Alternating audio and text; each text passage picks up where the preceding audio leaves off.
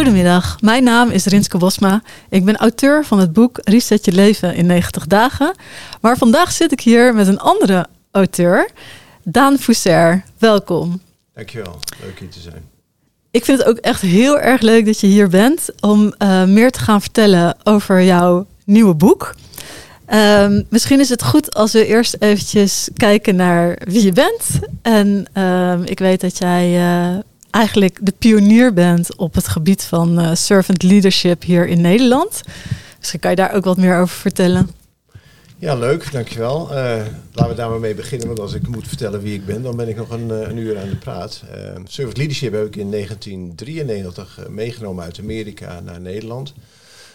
omdat het antwoord gaf op de vraag van, oh, dus zo kun je leiding geven. Ergens zat het wel in mij. En ik keek ook om mij heen naar leiding geven en denk dat moet anders. En toen kwam ik tegen de gedachtegoed van Robert Greenleaf aan, Servant Leadership. Mm -hmm. denk, ja, dat is dus uh, de basis. En toen hebben we het in Nederland neergelegd. En het grappige was dat in het begin mensen aan me vroegen van, van welke kerk ben je? Want we noemden het dienstbaar leiderschap. Ik denk, nou dat is fout. Hè? Dat moet een zakelijke insteek hebben. En toen heb ik dus ook een, een, een uh, cultuur- en leiderschapscyclus ontworpen om organisaties te helpen, servant leadership uh, te omarmen. En het grappige is, toen dachten we van nou dat gaat ons nooit lukken, dat wordt nooit bekend in mm -hmm. Nederland. En nu, wie het ook vraagt, servant leadership is gewoon bekend in Nederland. Uh, toch zie ik nog heel veel organisaties die op oude model leiding geven, omdat ze het toch wel moeilijk vinden om dingen los te laten. Ja. Uh, servant leadership vraagt primair iets over jezelf. Wie ben je? Hoe zit je als mens in elkaar? Wat zijn je belangrijkste waarden? En durf je vanuit jezelf te zijn, uh, leiding te geven aan je organisatie. En durf je dan ook los, mensen los te laten en te vertrouwen, zodat ze op basis van hun talent hun werk doen en niet op basis van commando hun, hun werk doen. Dus het heeft een combinatie met autonomie, uh, verantwoordelijkheid, maar ook aanspreekbaarheid te maken. Ja, en het is nog steeds heel erg uh, relevant. Ja, het is heel erg relevant en dat vind ik ook het mooiste van servant leadership. Servant leadership kent geen tijd. Ja. Robert Greenleaf was degene die zei van ik leg iets neer jullie kunnen het constant aanpassen. En dat hebben we in de loop van de jaren, sinds 92, hebben we best wel een aantal momenten gehad we zeiden oké, okay, is het nog steeds wat het is? Uh, maar we hebben het ook wel aangepast aan deze tijd. Dus het moment de basis is, is nog steeds geldig. Maar af en toe moet je wel uh, nieuwe elementen inbrengen. Ik denk met name aan, aan spirituele bewustwording. Ik denk met name aan duurzaamheid, milieu, ja. dat soort mechanismen. Ja, dat vraagt dus van ons dat we vanuit dat servant leadership gedachtegoed aanpassingen in de tijd plegen. Maar niet in het gedachtegoed. Precies, ja, interessant. Hier kunnen we ook nog zeker een keer een uh, podcast ja. over maken. Misschien moeten we dat wel doen. Uh, maar vandaag zit je hier om een andere reden. Want um, eigenlijk ben je weer pionier, maar dan op het gebied van ecologische intelligentie. Ja, het is, uh, het is grappig dat je dat zo noemt. En, en ik voel me ook wel een beetje pionier daarin. ook wel iemand die het, de voortrekker is en het voortouw neemt van anders denken. Uh, ecologische intelligentie komt voort uit servant leadership. Een van de elementen van servant leadership is rentmeesterschap. Dus we verantwoordelijkheid nemen voor de aarde. Dat we die ontvangen en uh, behandelen, bewerken en in, in goede staat weer doorgeven aan de volgende generaties. Dus naarmate de tijd verstreek en milieu en, en stikstof en CO2 en al dat soort aspecten steeds pregnanter werden, mm -hmm. dacht ik van daar moet iets gebeuren. Mensen moeten dat ook uit servant leadership uh, op durven nemen en, en durven te omarmen. ik heb toen uh, lang lopen denken. Um, en, en eventjes uh, refereer ik aan, aan David Coleman. David Coleman was in de tachtige jaren de man die emotionele intelligentie neerlegde als pionier. En ik herinner me in die tijd dat iedereen hem eigenlijk uitlachte van hoezo emotionele intelligentie en moet je nou leren huilen, moet je nou ja. leren lachen, moet je nou leren sociaal zijn. Uh, vandaag aan de dag zal niemand meer als leidinggevende aangenomen worden als hij niet over emotionele intelligentie beschikt. En we hebben ook heel veel methodes uh, inmiddels ontdekt hoe je dan die emotionele, emotionele intelligentie kunt, kunt meten. En dat zet hem aan het denken. Denk van ja, we kunnen heel fragmentarisch bezig zijn met het milieu. en dat zijn we ook wel een beetje. Maar dat heeft geen zin. Want het heeft geen zin dat ik me alleen maar richt op stikstof, op CO2 of op duurzaamheid of op recycling. Als het een, een hype wordt. Dan krijg je ja. alleen maar symboolpolitiek. Uh, en dan doen we het eventjes goed op één aspect, maar vergeten de andere acht aspecten. Ja. Dus ik heb uh, de COVID-tijd gebruikt om heel lang na te denken en te in te studeren en, en, duizenden rapporten te lezen over wat is het nou eigenlijk. Mm -hmm. en kwam tot ontdekking dat emotionele intelligentie gewoon acht aspecten kent. En als we het echt goed willen doen, en ecologische intelligentie zou kunnen uitleggen als het leren leven in symbiose met de aarde en met de natuur. Ja. Als wij in harmonie kunnen leven met de aarde, harmonie kunnen leven met de natuur, dan kunnen we daar gebruik van maken. Ja. Het is helemaal niet zo erg als wij een keer uh, iets van de natuur vervuilen, als we het ook maar weer schoonmaken. Precies. En dat is een, een, een, een beeld wat mij heel erg aanspreekt van, tuurlijk maken we dingen soms vuil, maar we hebben ook de verantwoordelijkheid om het weer schoon te maken, zodat het ook weer schoon doorgeleverd wordt. En vandaag de dag maken we alleen maar vuil en we vernielen alleen maar, we maken het niet schoon. Ja. We, bedenken kunstmatige methodes. Um, en dat werkt niet, want dat is gewoon een, een, labmiddel, terwijl het heel integraal, diep doordrongen uh, opgepakt moet worden. Ja, want ik denk wel dat um, de meeste mensen ervan overtuigd zijn dat er dingen moeten gebeuren. En, um, maar dat we misschien ons soms een beetje blind staren inderdaad op één aspect daarvan. Ja. Um, ik ben heel erg uh, nieuwsgierig naar uh, jouw acht aspecten? Ja, de acht aspecten zijn, uh, ik, zal ze een beetje at random noemen, omdat het niet, er zit niet echt een volgorde in. Maar de belangrijkste is natuurlijk de, de biosfeer. Hè. Dat is al het leven tot aan 10 kilometer boven de aarde en 8 kilometer uh, tot in het diepste punt van de zee. daar is leven mogelijk en daar leven wij met z'n allen in. En als je bedenkt dat het maar 10 kilometer om deze aarde is, is het maar een heel klein gebiedje waar leven mogelijk is. In die biosfeer hebben we de biodiversiteit, dus verscheidenheid van de natuur, de dieren, insecten, eh, noem het maar op, dat is de biosfeer. Alles wat in de grond zit, alles wat in de grond groeit, alles wat daar bloeit, eh, heeft met de biosfeer te maken. En nou, je weet zelf wel dat we door ons handelen gewoon heel veel biosfeer kapot maken. Denk maar aan de kunstmest, kunstmesting van, van land, landgoederen. Ja, daarmee maak je heel veel torretjes en beesten kapot die we nodig hebben om eh, de aarde schoon te houden en, en goed te houden. Uh, dan hebben we het klimaat natuurlijk. Hè. Niet zozeer het weer van vandaag, maar wel de, het klimaat gemeten over langere periodes. Uh, waar we invloed op kunnen uitoefenen. We hebben uh, de recycling, het, het, het uh, hergebruik van, van, van, van, grondstoffen. We hebben het, het, milieu als aspect. We hebben de ehm, de diversiteit als aspect. Dus de diversiteit op deze aarde kunnen we met elkaar omgaan. En zijn blanke, zwarte, groene, rode mensen net zo belangrijk als, als, als alle andere mensen. Uh, en we hebben de inclusiviteit, kan iedereen ook meedoen. En dat betreft niet alleen maar mensen van een andere huidskleur, maar ook mensen van, die een handicap hebben. Kunnen ja. die gewoon meenemen in ons, in ons proces en kunnen die een volwaardig bestaan geven. Dus die acht aspecten zijn heel erg belangrijk. En ik denk ook dat het uh, een opdracht is van onszelf, maar ook van overheden en bedrijfsleven, om te kijken van hoe doen wij het op die acht aspecten. Ja. Kijk, als je nu kijkt naar een voorbeeld recycling, uh, dan zie je dus dat uh, het streven is dat we ergens in 2030 geloof ik 100% alles recyclebaar is. Ja. Nou, de aarde, wij in Nederland doen het relatief goed. Hè. 24% in ons land wordt gerecycled, maar wereldwijd nog maar 8%. Dus ja. we hebben nog nog, nog 92% te gaan. Dat is heel veel in een relatief korte tijd. En we trekken alles maar uit, uit de aarde. Uh, en, en we maken er maar dingen van. En dat heeft ook te maken met, met ons eigen gedrag. Ja. Um, en dan, want dat wil ik wel in één adem erbij noemen. Kijk, wij, wij kijken naar de overheden, of we kijken naar het bedrijfsleven, of we kijken naar anderen, maar we kijken niet naar onszelf.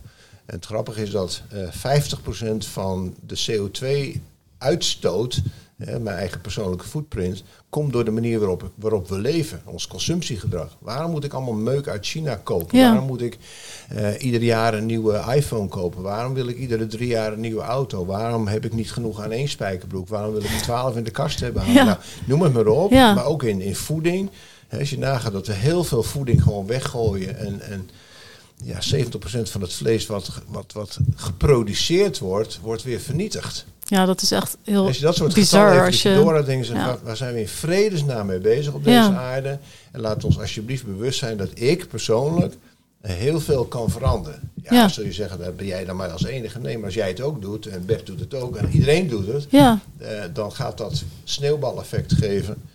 Uh, en wat ik jammer vind, is dat we in onze wereld eigenlijk kijken naar ik zeggen, compensatiemethodes. Hè. Goed, goed compensatiesysteem vind ik de elektrische auto. Iedereen roept, we moeten elektrisch gaan rijden, want het is schoon. Uh, elektrische auto's zijn vuiler dan fossiele auto's. Ja, want door de productie, door de batterijen, die zijn nog niet recyclebaar. De grondstoffen, die, uh, de kobalt die nodig is voor, voor uh, de accu's, Uh, komt uit de Congo. De Congo wordt leeggeroofd. Als je dan praat over inclusiviteit en diversiteit. Mensen worden daar van hun land gedonderd, weggejaagd. Mhm. Kinderen moeten daar mijntjes in waar ze nooit meer levend uitkomen. En dan, als ze er al uitkomen, krijgen ze 2 dollar per dag. Terwijl de grote man uh, achter de kobalt 200.000 dollar per dag krijgt voor de kobalt die zij voor 2 dollar per dag uit het land halen. Ja. Heb ik nog niet eens genoemd dat de grondstoffen ook nog eens zeer beperkt zijn. Want over vijf jaar zijn die mijnen leeg en dan weten ze niet meer waar we het van moeten maken. Dus dan, dan, dan hebben we dus wel heel veel elektrische auto's, maar ze kunnen niet rijden bij wijze van spreken. Ja, dat is eigenlijk heel krom hè. En uh, heb jij daar een soort van oplossing voor? Want dit is natuurlijk gedrag ook van mensen. Dat is heel moeilijk om dat zomaar te veranderen. Er zit natuurlijk ook altijd iets achter wat te maken heeft met macht en geld. Ja. Uh, wat heb jij ook beschreven, wat voor oplossingen je daarin ziet? Ja, er zijn, uh, kijk, ik heb niet de oplossing. Als ik die zou hebben, dan zou ik spekkoper zijn waarschijnlijk. uh, maar ik heb wel heel veel, veel oplossingsrichtingen waar we aan kunnen denken. Primair is, is de oplossing van kijk eens naar je eigen gedrag. Ja. In mijn boek geef ik een aantal oefeningen van hoe kan ik nou mijn eigen gedrag bepalen aan datgene wat ik doe dagelijks. En dat is hoe vaak pak ik de auto, hoeveel eten gooi ik weg, uh, hoeveel vlees eet ik, hoeveel groente consumeer ik, al dat soort dingen. En als je dan kijkt naar je eigen consumptiepatroon. En wat mij heel erg geholpen heeft persoonlijk in die afgelopen jaren, is bij alles, als ik een impuls had tot aankoop, stelde ik mezelf de vraag, heb ik het nodig? Ja. In 9 van de 10 gevallen had ik het niet nodig. Dus stopte mijn impuls en dan koop ik het dus ook niet. Ja. En als ze allemaal die impuls zouden hebben van heb ik het nodig? Nee, ik heb het niet echt nodig. Want ik heb nog een spijkerbroek, ik heb nog een goed overhemd, ik heb nog dit, ik heb nog een nieuwe auto. Mijn auto is ook prima, mijn telefoon doet het ook nog prima. Dan, dan gaan we dus niet consumeren, maar dan gaan we consuminderen. Ja. En juist dat consuminderen, daarin zijn we heel sterk. Want door ons koopgedrag, kijk, we kijken wel naar bedrijven en naar overheden. Wij bepalen voor de bedrijven dat ze meer moeten produceren. Want wij vragen steeds meer. Precies, ja. Dus als wij steeds minder vragen, gaan ze ook minder produceren. Ja, dat we- zal niet in mijn generatie opgelost zijn, maar als we dat 1, 2, 3 generaties doen, ja, dan komen we daar zeker uit. Ja, want het is heel dubbel. Hè? Aan de ene kant zie je dat mensen echt wel hun best willen doen. Dus ze gaan echt gewoon minder vlees eten. Ze, gaan, ze zijn wel veel bewuster gaan ze daarmee om. En aan de andere kant eh, zijn winkels eh, waar je gewoon heel goedkoop spullen kan kopen. Die, die zijn razend populair en eh, die zitten altijd bomvol. Ja. En halen mensen gewoon heel veel dingen in huis. Dus er zit een soort van... ja, het is heel, heel dubbel. En ehm, ik heb ook het gevoel dat mensen inderdaad zich heel erg richten op één aspect. En dat ze dus niet het grotere geheel, dat ze dingen gewoon niet goed kunnen plaatsen in het grotere geheel. En hoe, hoe kijk jij daar tegenaan? Hoe zouden we ervoor kunnen zorgen dat mensen meer zien hoe veel dingen aan elkaar gelinkt zijn, zeg maar. En dat het echt een groot geheel is. Nou, we kunnen elkaar daarin helpen.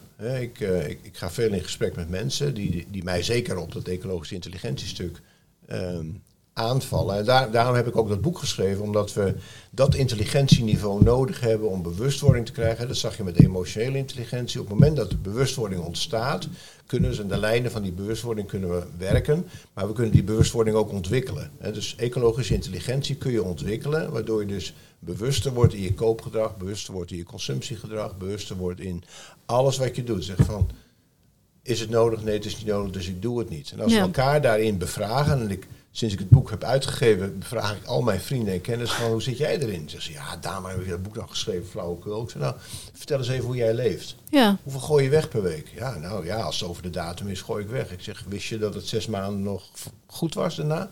Oh, dat wist ik eigenlijk niet. Zeg, misschien is het handig om als een pak melk over de datum is, om het niet weg te gooien, maar even te ruiken.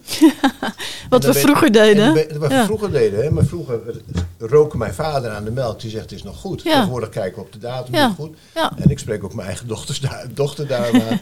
en die gewoon dingen weggooit als ze één dag over de datum zijn. Waar ben je mee bezig? Ja, En zo zijn wij dus in de maatschappij eh, opgefokt om over de datum weggooien. Het is ook een marketingtruc die erachter zit. ja, tuurlijk. Ja. En, en wat nog meer achter zit, is achter dingen kun je gewoon repareren. Een wasmachine die kapot is, kun je gaan repareren. Als de monteur bij je komt, zal die zeggen, nou de pomp is kapot, kan hem niet meer repareren. Nou, er zijn een heleboel adressen in Nederland waar je gewoon met je witgoed naartoe kunt gaan. Die bel je op, zeg, oh meneer, het is heel makkelijk te repareren. Ik moet er even een, een printje in doen, het is klaar. ja. Een, een nieuwe telefoon. Waarom moeten we ieder jaar een nieuwe telefoon hebben? Omdat Apple het wil. Ja. En niet omdat ik het nodig heb, want mijn telefoon gaat al jaren mee en het doet nog steeds heel erg goed. Ja, precies. En, dat soort mechanismen moeten we elkaar over bevragen. Hoe doe jij het, hoe doe jij het, wat doe jij? Ja, en want dat is heel interessant, hè? want dat is ook zeg maar op hele kleine schaal. Hoe zie jij, de, mm, eh, hoe zie jij bijvoorbeeld de rol daarin van organisaties en bedrijven? Nou, bedrijven zijn hypocriet. Ehm, waarbij ik erbij wil zeggen dat er ook heel veel bedrijven echt goed bezig zijn. Ja. Ik, ik heb een aantal bedrijven, beschrijf ik in mijn, in mijn boek, in mijn tweede boek, wat hierop volgt, het leiderschap voor toekomstmakers. Ehm, en dan praat je met bedrijven die heel erg bewust bezig zijn met recycling en hergebruik en, en grondstoffen hergebruiken. Eh, dus die, die wil ik zeker benoemen. Eh, maar er zijn ook heel veel bedrijven gewoon bezig met ehm, greenwashing. Ja. En gewoon de methode zeggen, nou ja, we zijn bezig met een groen, groen certificaat. En, en natuurlijk geloof ik dat, want ik wil wel goed doen als mens. Dan denk ik, ah, Albert Heijn of wie dan ook eh, verkoopt iets met een groen certificaat, dus kan ik het kopen. Trap daar niet in. Lees gewoon even op het etiket waar het vandaan komt. Kijk wat erin zit. En bepaal voor jezelf wie het wil hebben. Er zijn heel veel leuke eh, apps die je daarbij kunt, eh, kunt gebruiken. Overheden zouden ons kunnen helpen door in de hele breedte bezig te zijn. Ik vind dat de overheid is een slecht voorbeeld van rentmeesterschap. Eh, omdat ze nu zeggen van ja, we moeten een, een stikstofprobleem oplossen of we moeten een CO2-probleem oplossen. Maar daarmee los je het probleem niet op. En dan heb je even een hype dat het misschien minder wordt. Maar het stopt niet bij de Nederlandse grenzen. Ja. Het komt over de hele wereld heen. Dus eigenlijk zou je Europees breed, hè, Timmermans die zegt we moeten allemaal in 2030 elektrisch rijden. Dat is zo kortzichtig geredeneerd, omdat hij dan denkt van waar halen we in vredesnaam alle grondstoffen vandaan om elektrische auto's te maken? Nog los van de vervuiling van het maken van elektrische auto's. Nog los van de onmogelijkheid om batterijen te recyclen vandaag de dag. Begin er niet aan tenzij je een oplossing hebt. Ja, En, en er zijn heel veel oplossingen in de natuur te vinden. Eh, nou, als ik even bij die auto mag blijven.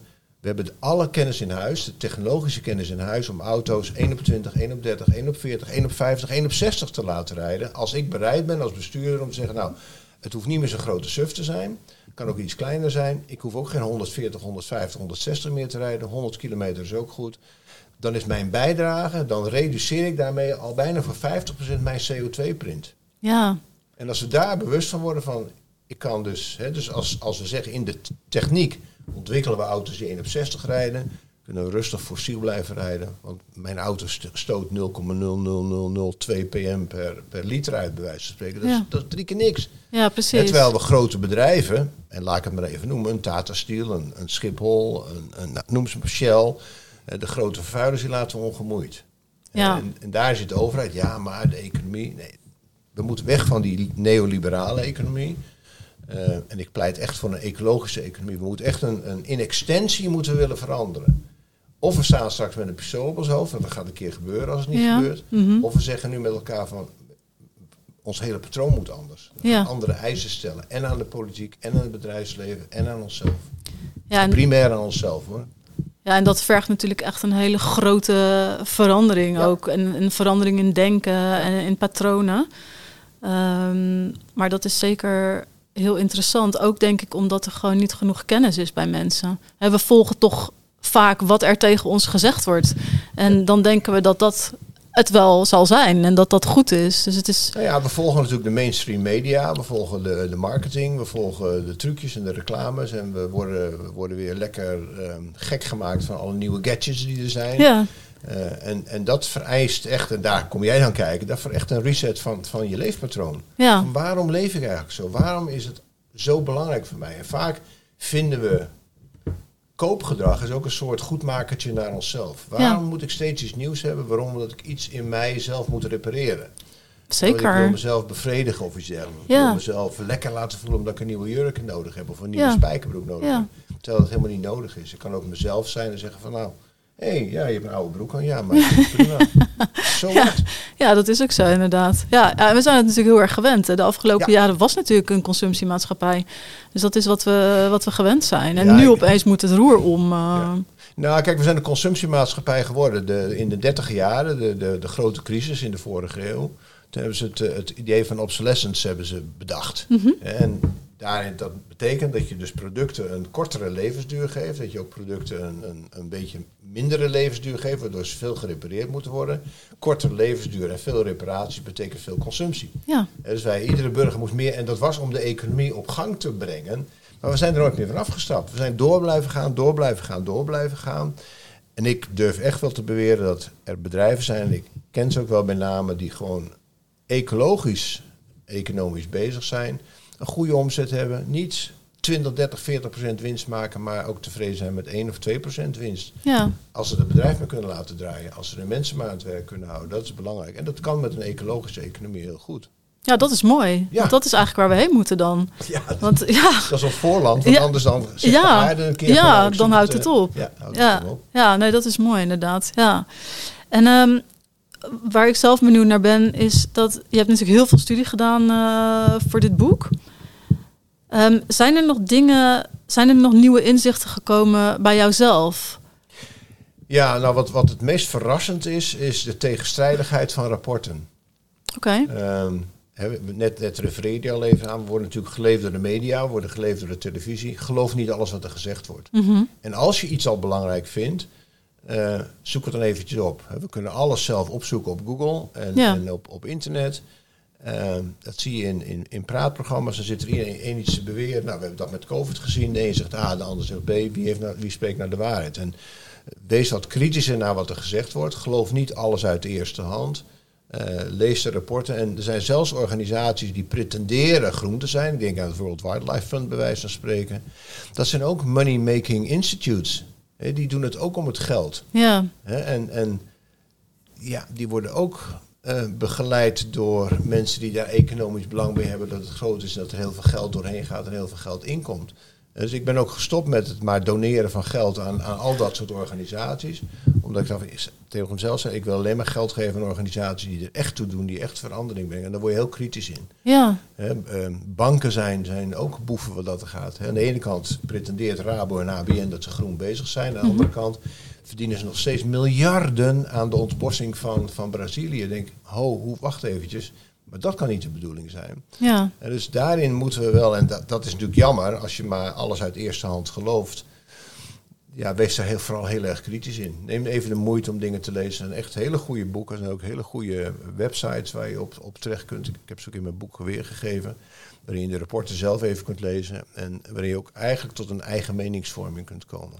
Maar Ja, vooral primair, begin met de vraag, en ik dan, wat doe ik? ja, Ik precies. denk als we daar echt ons consumentengedrag en gaan consuminderen, Ja, dan zul je zien dat een heleboel dingen gaan afnemen. Een heleboel dingen anders worden. ja, dat is wel een, een mooie oproep, denk ja, ik. dat is echt de eh, oproep die ik heb ons. in het boek van... Ja, A, word je bewust van je ecologische intelligentie. Weet welke aspecten erin zitten, zodat je daarop kunt ontwikkelen. Kijk in de oefeningen die ik geef in het boek naar jouw eigen eh, footprint, als het ware. En die, en die geef ik ook een beetje om, om een soort hak te zetten aan al die certificeringsmethoden. Er zijn in deze wereld zijn er iets van 360 of 380 certificeringen voor milieu. Ik denk, ja, geen hond die daar nog naar kijkt. Hè, dus ik pleit ook voor één certificeringsmethode. Nou, dat zal mij wel niet lukken, want daar kom ik, ik ben niet van die school. Eh, maar kijk wel naar je eigen leven. Van, wat, wat doe ik nou? Hoeveel vlees gooi ik weg? Hoeveel, hoeveel eten gooi ik weg? Hoeveel besteed ik aan kleding? Al dat soort dingen. Eh, je kachel een, een eh, temperatuurtje lager zetten. eh, Ja. 100 rijden in plaats van 140. Al dat soort kleine dingen. En zo kun je dus jezelf wel resetten. Eh, en ik denk als we dat doen, dan we al heel veel bereiken. Dat ja dat zou, eh, dat zou, teruggaan op dat, dat consumptiegedrag. Ja, dat, is- dat zou mooi zijn, inderdaad.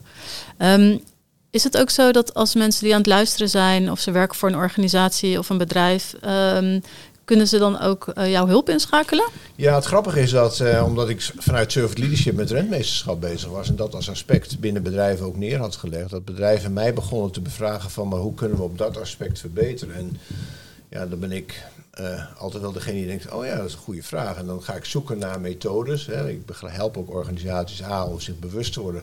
Hoe doe je het dan nu? Want een heleboel bedrijven zeggen, ja, ik doe het toch goed, want we gooien het papier in de oud papierbak. En we hebben geen olie meer dit en geen eh, milieu dat. Dus ik, nou, er is nog veel meer wat je wel kunt doen.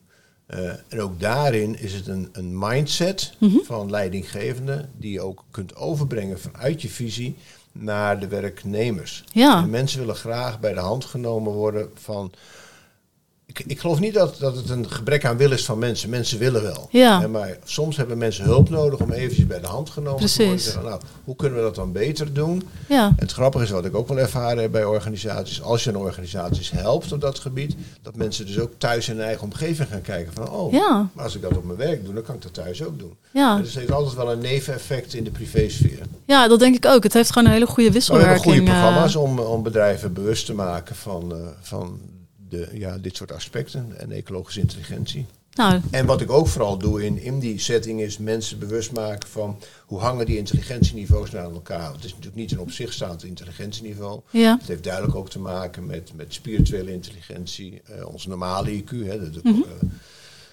de, de kennisniveaus, eh, de emotionele intelligentie. Het hangt echt bij elkaar nauw samen. ja, dus je combineert dat eigenlijk allemaal altijd, met elkaar. Ja, want Ja, Als je het een niet hebt, dan begint eigenlijk vanuit die, die kern van wie ben ik nou als mens. ja. Eh, dat is de wezensvraag, de spirituele vraag. Eh, en daar heb ik dus ook een verantwoordelijkheid. En die verantwoordelijkheid dat kan ik zowel op spiritueel niveau, als op emotioneel niveau, als op ecologisch niveau, als op fysiek niveau. Mhm. kan ik die gewoon uitbouwen en ontwikkelen. Ja, mooi. Want dan heb je ook gewoon weer dat, dat hele view, hè? Ja. Dat, dat overview. Dat is denk ik belangrijk, inderdaad. Ja, super, Daan. Dank je wel. Je boek heet eh, EQ, Ecologische Intelligentie. Het is Eigenlijk ec- spreek je als ec- EQ. eh, ja. EQ is de emotionele intelligentie, maar EQ is eh, EQ. ecologische intelligentie. En, en mensen kunnen het, het is gewoon bestellen. kopen en Ja. te bestellen. Dus, Ja, leuk. prima. Ehm, dan wil ik je heel erg hartelijk bedanken voor dit gesprek. Dankjewel. Dank Ja, je wel bedankt voor je aanwezigheid. Ja, heel leuk. Ik ben ook zeker getriggerd. Ik eh, heb een paar dingen gehoord eh, waarvan ik denk, oei, nou daar ga ik ook maar eventjes eh, aan werken. Toch maar niet die uitverkoop. Ehm, ik wil ook IPMA bedanken voor de mogelijkheid om deze podcast op te nemen. En ik wens iedereen een hele fijne dag.